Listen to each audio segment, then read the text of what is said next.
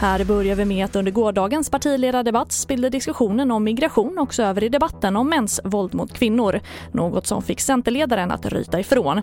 Här har vi först Sverigedemokraternas ledare Jimmy Åkesson.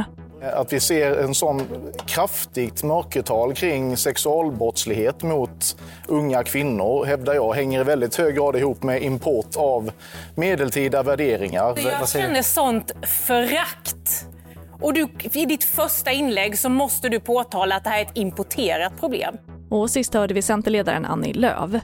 Och chefer vid en organisation som ger stöd till hivsmittade i Ghana har enligt en utredning under tio år systematiskt utnyttjat kvinnor genom att tvinga dem betala för mat och boende med sexuella handlingar, det rapporterar SvD. Organisationen har fått ekonomiskt stöd av Globala fonden som Sverige är en av de största givarna till. Och vi avslutar med att efter den omfattande branden på en gymnasieskola i Laholm igår så meddelar kommunen att det blir distansundervisning för alla gymnasieeleverna på campus Laholm idag och imorgon.